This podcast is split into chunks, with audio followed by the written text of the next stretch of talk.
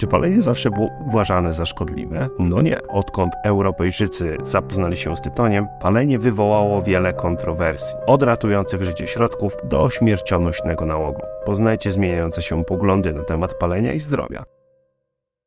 Tytoń to roślina po raz pierwszy sprowadzona do Europy w XVI wieku. Liść był szeroko stosowany dużo wcześniej przez ludy Ameryki Północnej i Południowej, gdzie palenie stanowiło ważną część wierzeń religijnych i środków leczniczych. Europejscy lekarze i aptekarze byli szczególnie zainteresowani jego potencjalnym zastosowaniem w medycynie. Nie wszyscy byli zadowoleni z rosnącego użycia tytoniu. W 1604 roku król Jakub VI napisał kontrprzykład dla tytoniu argumentując, że palenie jest niebezpieczne dla zdrowia płuc i upośledza zmysły. Na import tytoniu nałożono cło, które zostało później zniesione po tym, jak poważnie wpłynęło na gospodarkę wciąż młodych kolonii amerykańskich. Pomimo obaw krytyków, wielu uważało, że tytoń ma wielkie właściwości lecznicze. W 1618 roku Królewskie Kolegium Lekarzy w Londynie opublikowało pierwszą standardową księgę leków w Anglii. Poleca się w niej gorący i suchy liść tytoniu jako skuteczny lek przeciwdziałający objawom przeziębienia i letargu. Kiedy światem wstrząsnęła epidemia dżumy,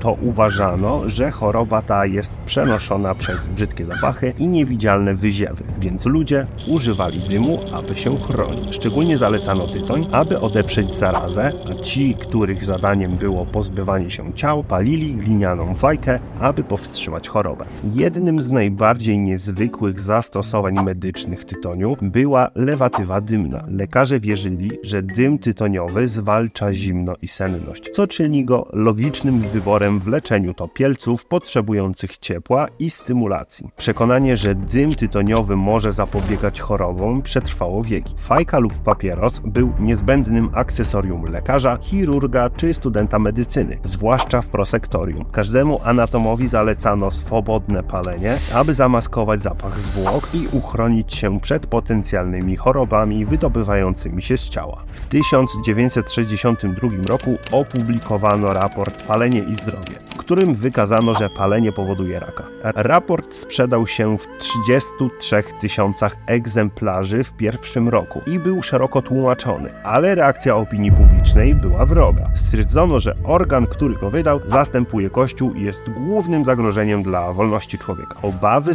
zdrowotne związane z paleniem zaczęły nabierać kształtu w latach 20. i 30. XX wieku. Aby uspokoić swoich klientów, firmy takie jak Camel wykorzystywały wizerunek lekarzy do sprzedaży swoich produktów. Reklamy głosiły, że lekarze zalecali palenie i sami palili, ale ten temat zdecydowanie zasługuje na osobny odcinek. Jeżeli chcecie, aby taki powstał, to dajcie znać w komentarzach. No i proszę, nie zapominajcie o łapce w górę oraz subskrypcji. Koniecznie obejrzyjcie mój odcinek na temat historii prostytucji, o której opowiadam na podstawie pięciu obrazków. Dobrego tygodnia, słyszymy się za tydzień. Na razie, elo.